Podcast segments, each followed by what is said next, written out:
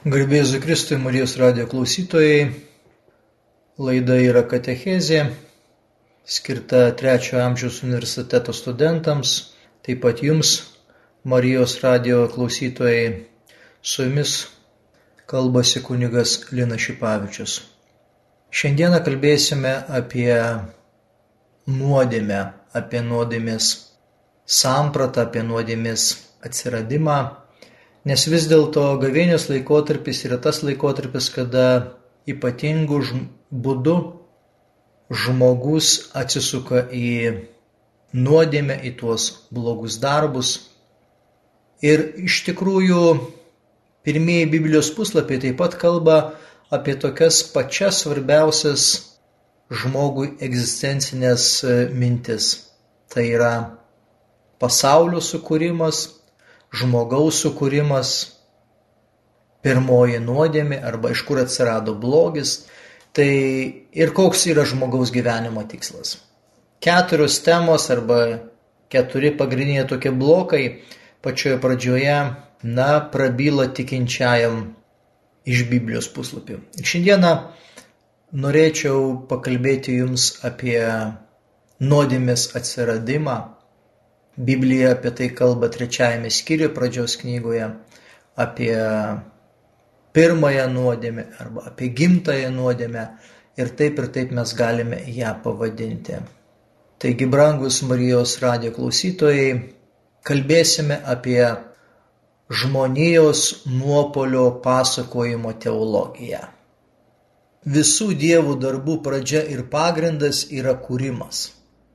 Pradžios knygoje kūrimas yra pateiktas kaip Dievo išraiška veiksme. Savo paslaptingų išminties ir gerumo sprendimu Dievas sukūrė pasaulį, kuris skirtas vyrui ir moteriai. Tai yra nepamirštamas ištarto palaiminimo ir džiaugsmo himno grožis, skelbintis jų kilnumą. Apie tai kalba pradžios knyga pirmas skyrius dvidešimt šešta dvidešimt devinta eilutės. Kunigiškas autorius patalpindamas žmonijos sukūrimo pasakojimą šeštoje dienoje akcentuoja, jog dievų kūrybos aukščiausia išraiška yra žmogus - vyras ir moteris. Kas tai yra tas kunigiškas autorius?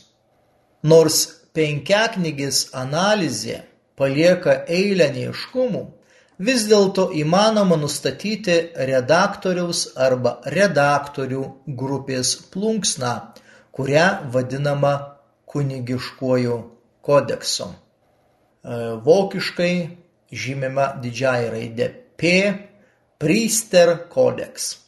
Literatūrinė kritika ir pagrindinė kunigiško dokumento istorija nusako, kad jis galbūt atsirado kunigų rate Babilonijoje.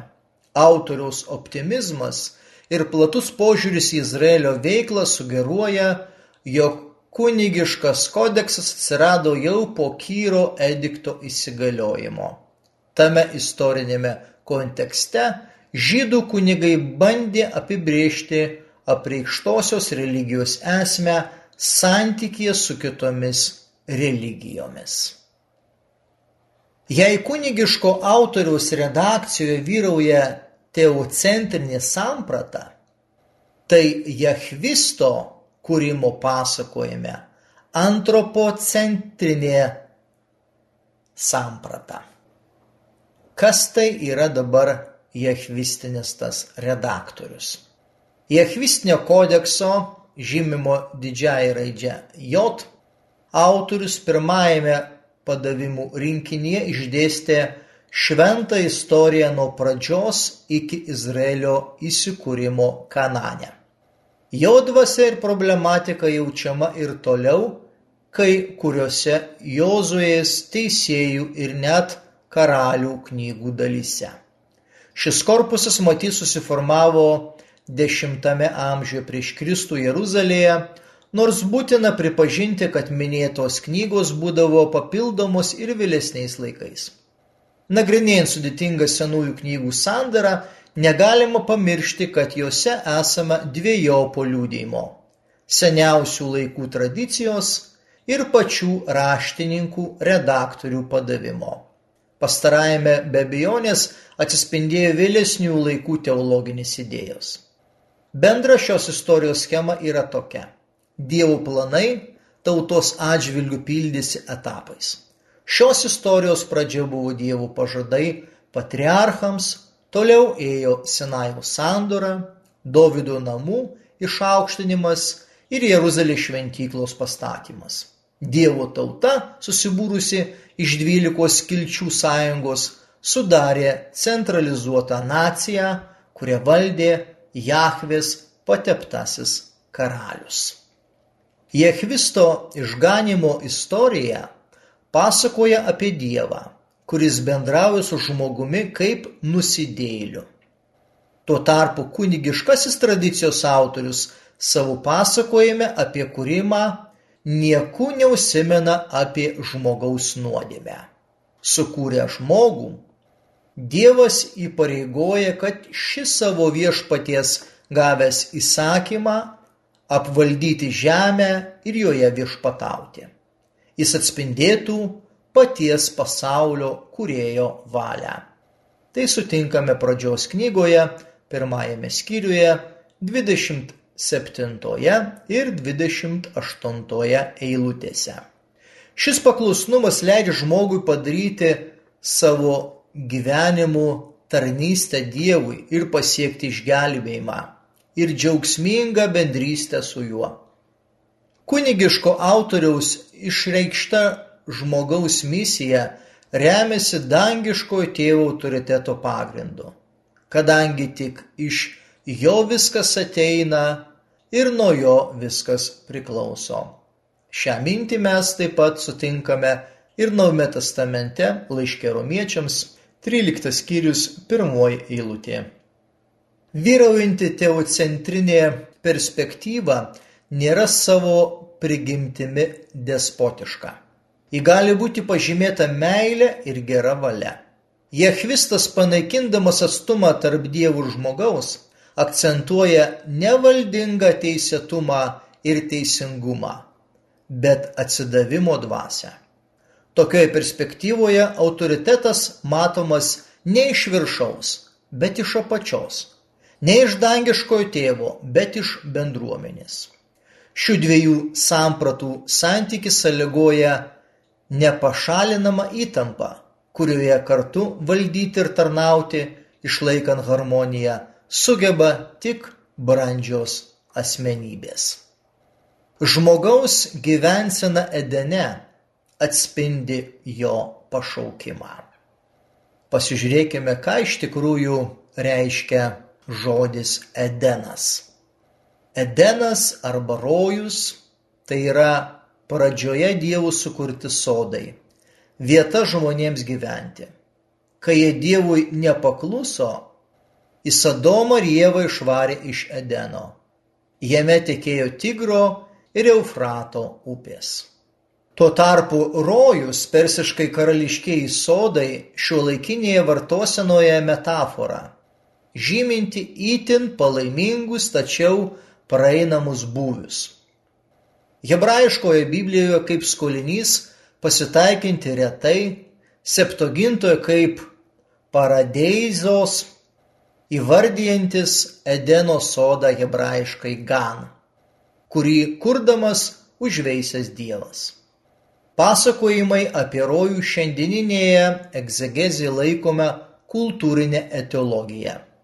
Nes gyvenamosios erdvės fragmentas išskirtas gamtos ir kultūros sampinos aprašyme turi būti modelis, priešinga žlugimo bei griovimo potyriams realiame pasaulyje jau rojaus motyvo taikymas Sename testamente leidžia įžiūrėti, kad idealų Dievų nustatytos pradžios įsivaizdavimą atitinka atbaigimo pabaigoje viltis. Šia prasme apie rojų kaip apie paslėptą antžemišką išgelbėtųjų iki visuotinio mirusiųjų prisikėlimo vietą Naujame testamente kalbama tris kartus. Luko Evangelija 23 skyrius 43 eilutė, antras laiškas korintiečiams 12 skyrius 4 eilutė ir apreiškimas apaštalų Jonui antras skyrius 7 eilutė. Krikščionių dogmatikoje iki XX amžiaus pasakojimus apie rojų laikiusio istoriniais pranešimais apie realiai buvusią priešistorę rojus kartais minimas kaip savaime suprantama pirmosios žmonių poros gyvenusios pirmapradžiame šventumo bei teisumo būvyje aplinka. Turint prieš akis gamtamokslinės įžvalgas bei evoliucijos hipotezę, leidžiančias daryti išvadą apie menkai rojų primenančią žmonijos istorijos pradžią. Derėtų konstatuoti, kad bažnyčios mokymas niekada neskyrė pabrėžtino dėmesio rojui, jo geografijai ir būviui. Didelis vaidmuo rojui teko simbolinėje mistikos kalboje, poezijoje ir vaizduojamajame mene. Veiksmažodžių pora dirbti ir rūpintis hebrajiškai šamar ir avat neturėtų būti suprantama tiesioginė prasme. Žmogaus apgyvendinimas Edeno sode, pradžios knyga, antras skyrius 15 eilutė, atspindi jo pašaukimą – garbinti Dievą ir paklusti jam. Tai iš tikrųjų, brangieji, yra žmogaus gyvenimo tikslas žemėje.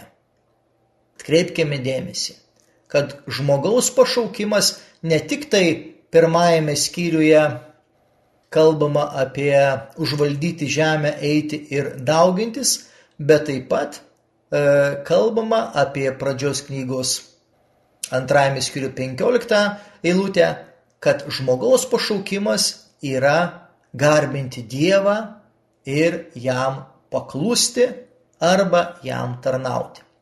Tačiau užuot garbinęs Dievą ir jam paklusęs, žmogus padaro apsisprendimą pirmosios Dievo sandoros atžvilgiu, kuris iš esmės keičia jo padėtį. Jis yra išmetamas iš sodo dirbti žemės. Štai Biblija paduoda kokį kontrastą.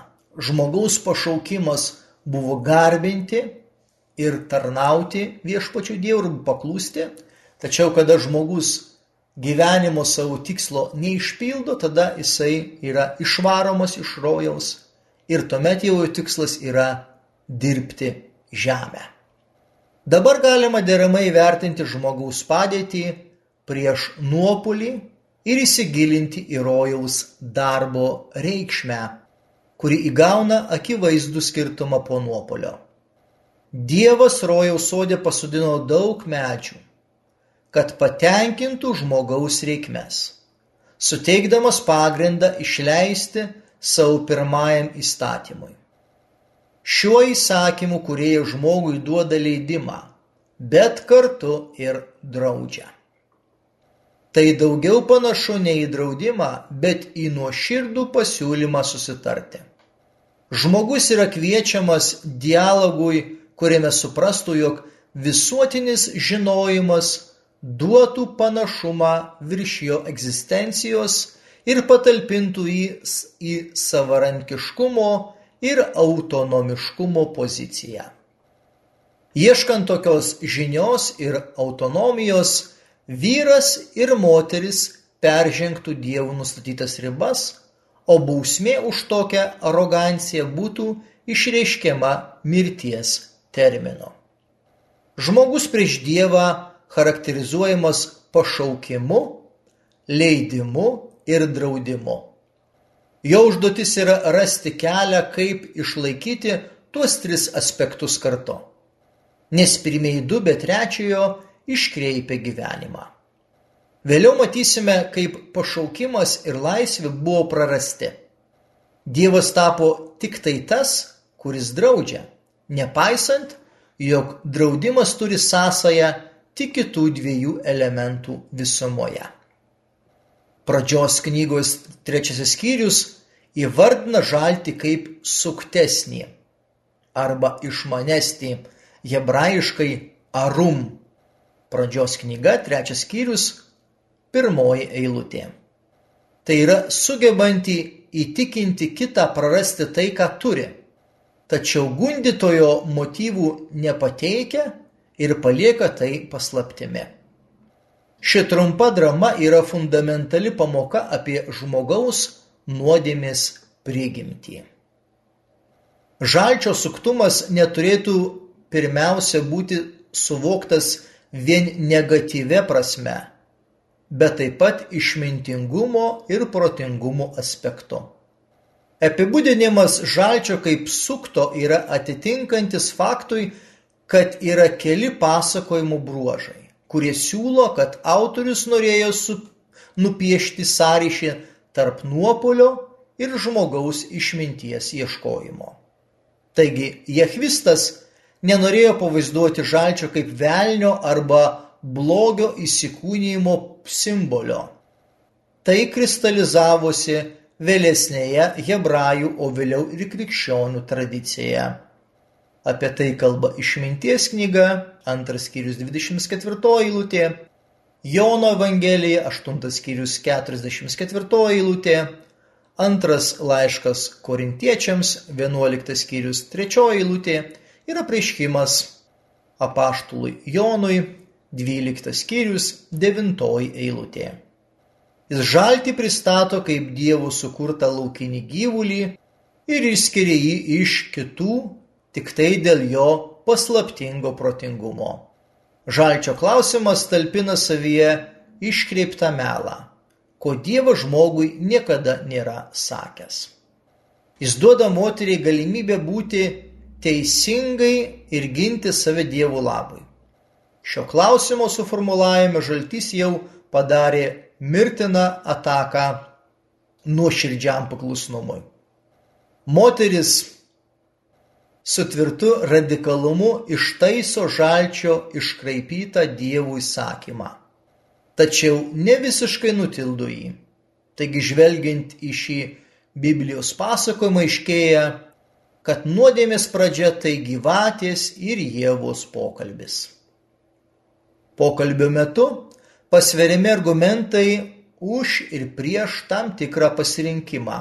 Vyksta dialogas su piktojo mintimi. Moters išeities taškas turėjo būti dialogui kategoriškas ne nes kuo atsakymas trumpesnis, tuo jis veiksmingesnis. Jėvos atsakymas pradžios knygoje trečiajame skyriuje antra ir trečia eilutės buvo motivuotas bandymu paaiškinti žalčiui situaciją.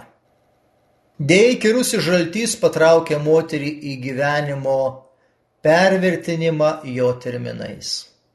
Edeno sodo planas keičiasi iš pagrindų. Gyvybės medžio nebėra centre. Jo vietą pakeičia gero bei pikto pažinimo medis. Suvedžiota moteris draudimą nevalgyti papildo draudimu neliesti. O Dievo grasinimą turėsi mirti sušvelnina, kad nenumirtume.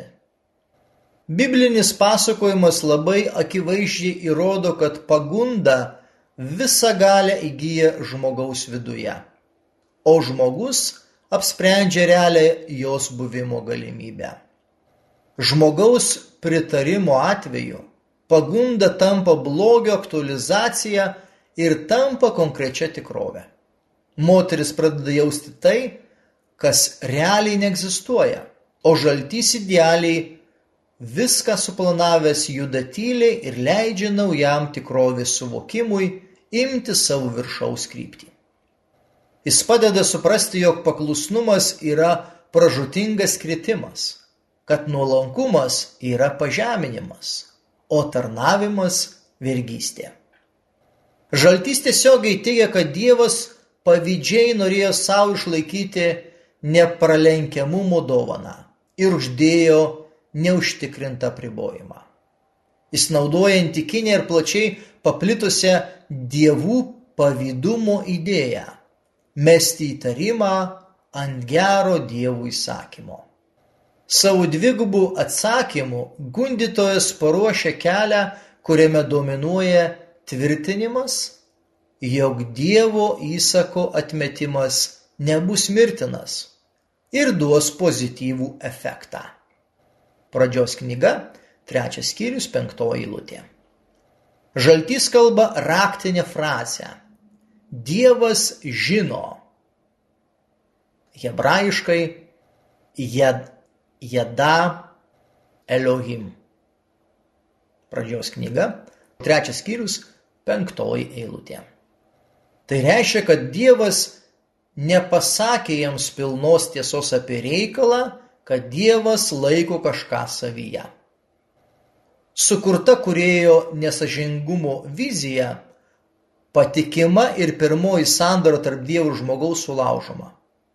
Pagal gundyto išeitų, jog žmogus sulaužė jau sulaužytą sandorą, todėl jokios moralinės kaltės jame neįmanoma išvelgti. Sukurta dviprasmiška situacija veda į abejonę ir vidinę sumaištį, kurioje moteris užsidaro savyje ir nekalba.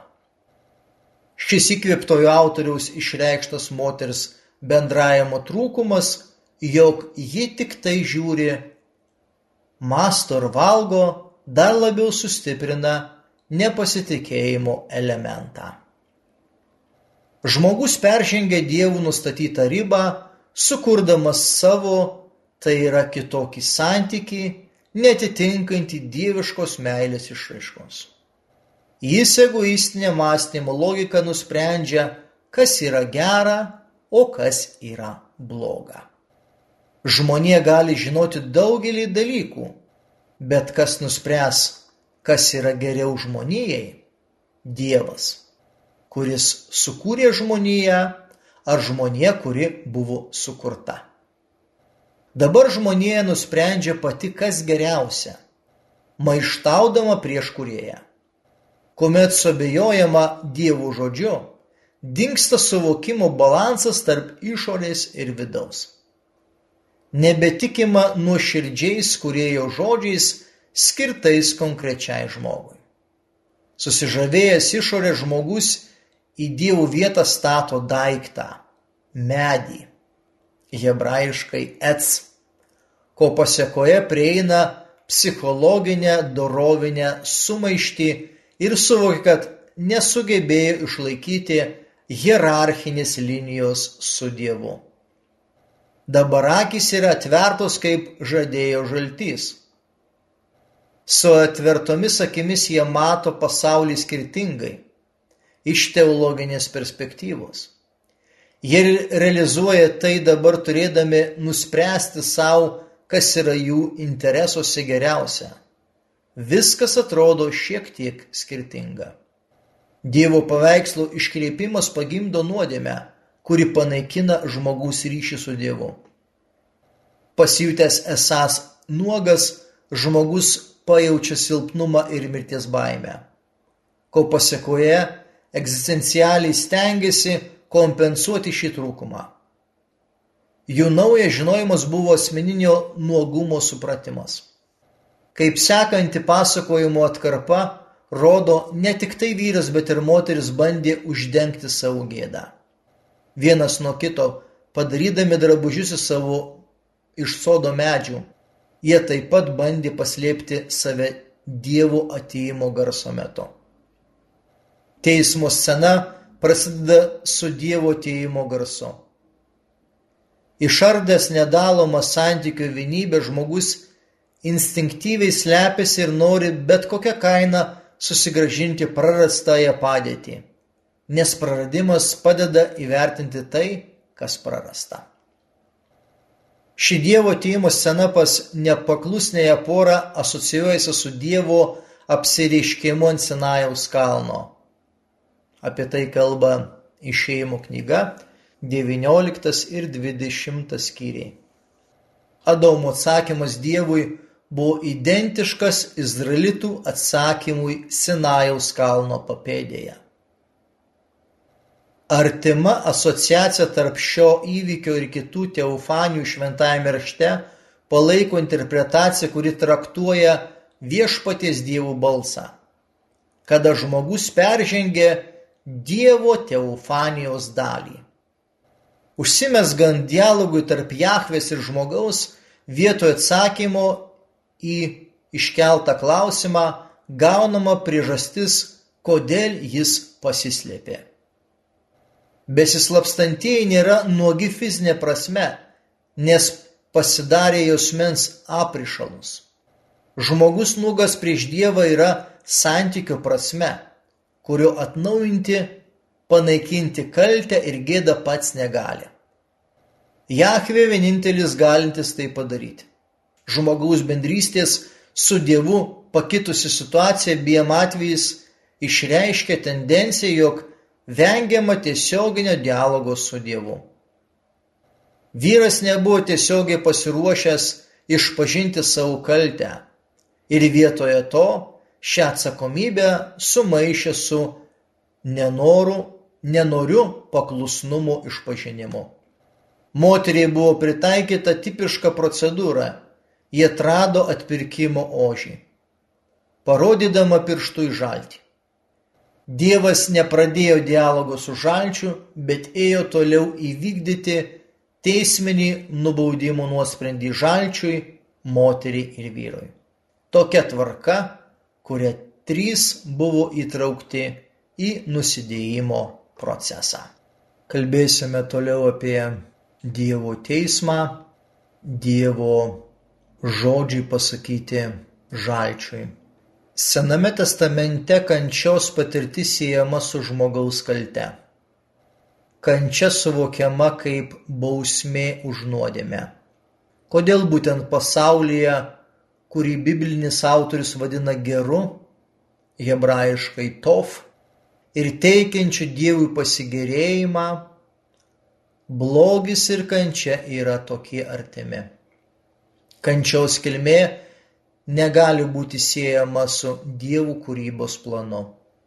Bibliniuose sukūrimo pasakojimuose šventi rašytojai parodė savo pasitikėjimą, kad Dievo darbas buvo geras ir tai buvo nukreipta į visų kūrinių meilę ir patogumą. Už kančią yra atsakingas pats žmogus. Nepripažintamas savo prigimtinio ribotumo, žmogus pasidavė žalčio pagundai - laikyti save tuo, kuo iš tikrųjų neesa. Tokiu atveju tik dar labiau pajuntamas nuogumas o gyvenimo realijos aprėpiamai apkarsta. Ankstyvųjų hebrajų požiūris interpretavo kančią kaip Dievo bausmę už nuodėmę, kuri atsirado nuo žmonijos prasidėjimo. Nuodėmės nuopolis veda į situaciją, kuri natūraliai reikalauja atpildo. Ką žmogus pasirenka, tai ir bus jam duota. Dievas savo teisminę kalbą pradeda prakeikdamas žaltį bei paskelbdamas priešiškumą ir nesantaiką, kuri apims žmogiškojo ir nežmogiško pasaulių plotmes.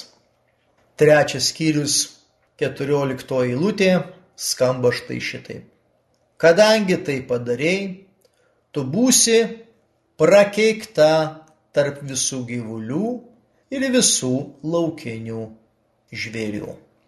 Žaltys būdamas klastingas gyvūnas, daugiau negu kiti, išreiškia pavojingas savybės, kurios jį padaro netgi pranašesnį už žmogų.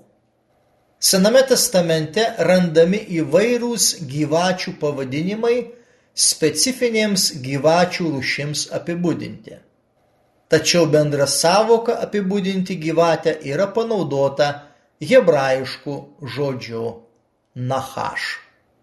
Antikoje žaltys arba gyvatė dažnai laikyti namuose kaip žebenkštys pelėms naikinti. Vaikai žaidė su jais, moterys vasarą jais visino kaklą ir krūtinę. Bjaurėti žalčių imta tik vėliau, be kita ko dėl pasakojimų apie pirmųjų tėvų nuopolį kai kada minimos kare naudotos naudingosios gyvatės kurias moliniuose puoduose mesdavo į priešus. Hebrajiškas žodis nachaš reiškia šliužą, gyvatę arba žaltį. Šis biblinis blogio personažas buvo nepaprastas tvarinys, tačiau protingas, turintis dvasingumą ir priešiškas Dievui. Žalčio interpretacija pasireiškia jau rojaus scenoje. Nors ir žmogus turėjo nepaprastą Dievo dovanotą apsaugą, jo dvasingumas pristatomas kaip amžina kova su moters palikuoniu. Tarp gundytojo ir Dievo yra nesantaika, kadangi jis tengiasi sugriauti Dievo planus siekiančius žmonių laimės. Kitai žodžiais, galima būtų pasakyti, jog protingas dvasinis priešiškas Dievui ir žmogui asmuo yra vadinamas velniu. Vėlesnės biblinės knygos aiškiai pirmųjų tėvų nuopolį į nuodėmę priskiria būtent velniui. Per velnio pavydą mirtis atėjo į pasaulį ir jo bičiuliai tai patiria. Išminties knyga, antras skyrius, 24 eilutė. Jėzus kreipdamasis į žydus pasakė, jūsų tėvas velnės ir jūs pasišovę tenkinti jo užgaidas. Jis nuo pat pradžios buvo galvažudys ir niekuomet nesilaikė tiesos, jame ir nėra buvę tiesos. Skleisdamas melą jis kalba, kas jam sava, nes jis melagis ir melo tėvas. Jono Evangelija, 8 skyrius, 44 eilutė. Pirmajame laiške apaštalas Jonas rašo, kas daro nuodėmę, tas iš velnio, nes velnis visa, visas nuodėmėse nuo pat pradžios. Pirmas Jono laiškas, trečias skyrius, aštuntoji eilutė. Taip pat apreiškime šventas Jonas rašo, jis nutvėrė slibiną senąją gyvatę, kuri yra velnis ir šetonas. Apreiškimo knyga 20 skyrius antroji eilutė. Taigi krikščioniška egzegezė biblinį pasakojimą apie žaltį suprato kaip vaizdinį velnio paveikslą. Biblinių rytų tyrimai aiškina priežastis, dėl ko velnės pristatomas žalčio personažane. Anot rytų religijų, žaltys yra įvairių dievų atstovas. Dažniausia chtoninių dievų, dažnai vegetacijos, derlingumo ir vaisingumo arba demonų simbolis ar priešiškų kenkiančių jėgų. Kaip pavyzdys Apofis Egipte, Iliusyrų dievo žaltys Mezopotamijoje. Visą tame reiktų pabrėžti, jog dažnai kitose religijose žaltys yra pristatomas kaip priešas žmonėms ir kitiems dievams. Gyvatės klastingoji išmintis išlaukti deramo momento ir staigiai kirsti, kuomet mažiausiai visi to tikisi. Įkvėptojo rašytojo pristatoma gyvatė suprantama ne tik kaip zoologinė rūšis, bet daug, daug giliau. Autorius išvilgė joje funkcionuojantį blogį, kuris turi tariamą formą ir kartu yra neišaiškinama dovana sukurtojo mūsų pasaulio viduje. Žaltys jau pasirodymo pradžioje reprezentuojamas kaip turintis autonomišką laikyseną kurėjo atžvilgiu, o vėliau suranda ir pasiekėjų. Hebrajiškas žodis arum Septuaginto išverstas kaip graikišku žodžiu "phronimotatos" akcentuoja inteligenciją, kuri pasireiškia gabumu parinkti būdus, norint pasiekti elementarų tikslą. Verta atkreipti dėmesį ir į tai, jog žaltys yra pristatytas kaip sukurtoji materija, kuri turi priklausomybę nuo Dievo, kadangi jis yra taip pat Dievo kūrinys. Čia nėra dualizmo pėdsakų, tačiau žaltys glaudžiai priklauso visiems gyvuliams ir visiems lauko žvėrims. Išskyrus rojaus sodą, kas sugeruoja į jo sukūrimo ir funkcijos idėjos išskirtinumą. Hebraiškoji Biblija išreiškia idėją žodžiais lauko laukiniai, turėdama mintį neapibrieštą natūralią gyvenamą vietą, tačiau tai žodžiais definiuoja jos kokybę.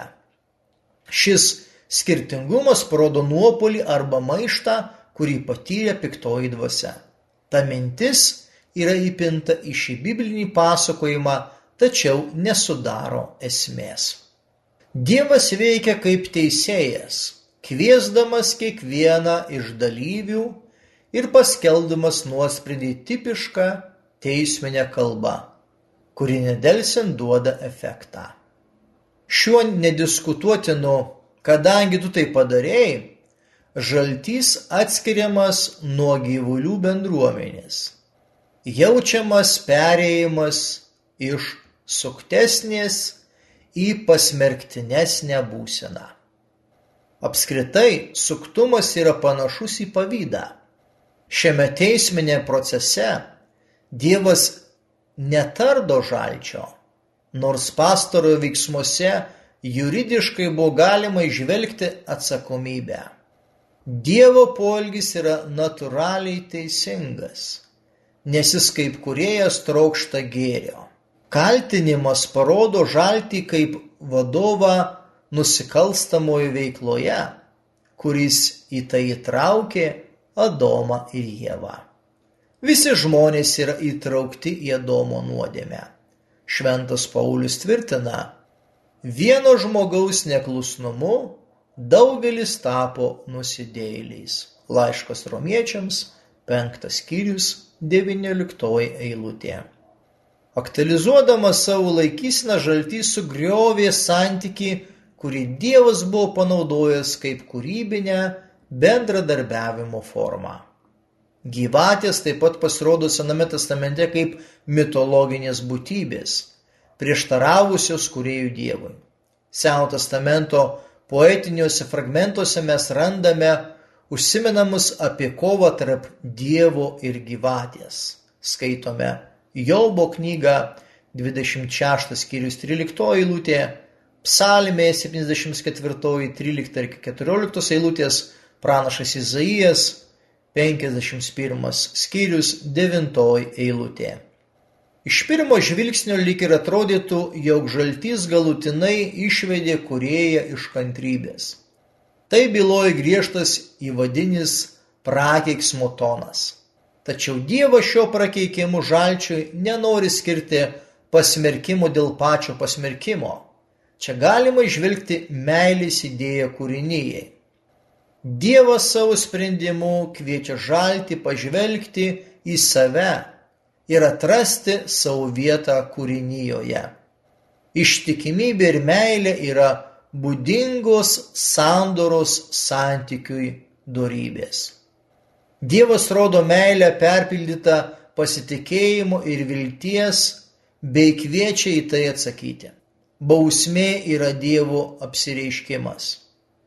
Nes bausmė apreiškia Dievą. Tai yra kaip teofanija pritaikyta nusidėjėliui. Tai yra, ką pranašas kartoja be perstojo ir jūs sužinosite, kad aš esu Dievas. Pranašas Ezekielis 10 skyrius, 11 skyrius 10 eilutė ir 15 skyrius 7 eilutė. Dievas pats imasi pranašo rolės aktualizavimo, kviesdamas pamatyti ir išgirsti kūrėjų žodį, norėdamas nukreipti kūrinyje kitų kelių atvesti į naują pažintį su Dievu kitokioje būsenoje. Dievą negalima laikyti tolimą galutinę priežastimi. Jis taip pat nėra deizmo didysis architektas, kuris paleido pasaulio mašiną, o pats pasitraukė šalin. Dievas siunčia prakeiksmą žalčiui, apreikšdama save. Kadangi velnias biblinio autoriaus buvo pristatytas žalčio pavydalu, todėl Dievas savo nuosprendį velniui nukreipia į žaltį ir jį pasmerkia.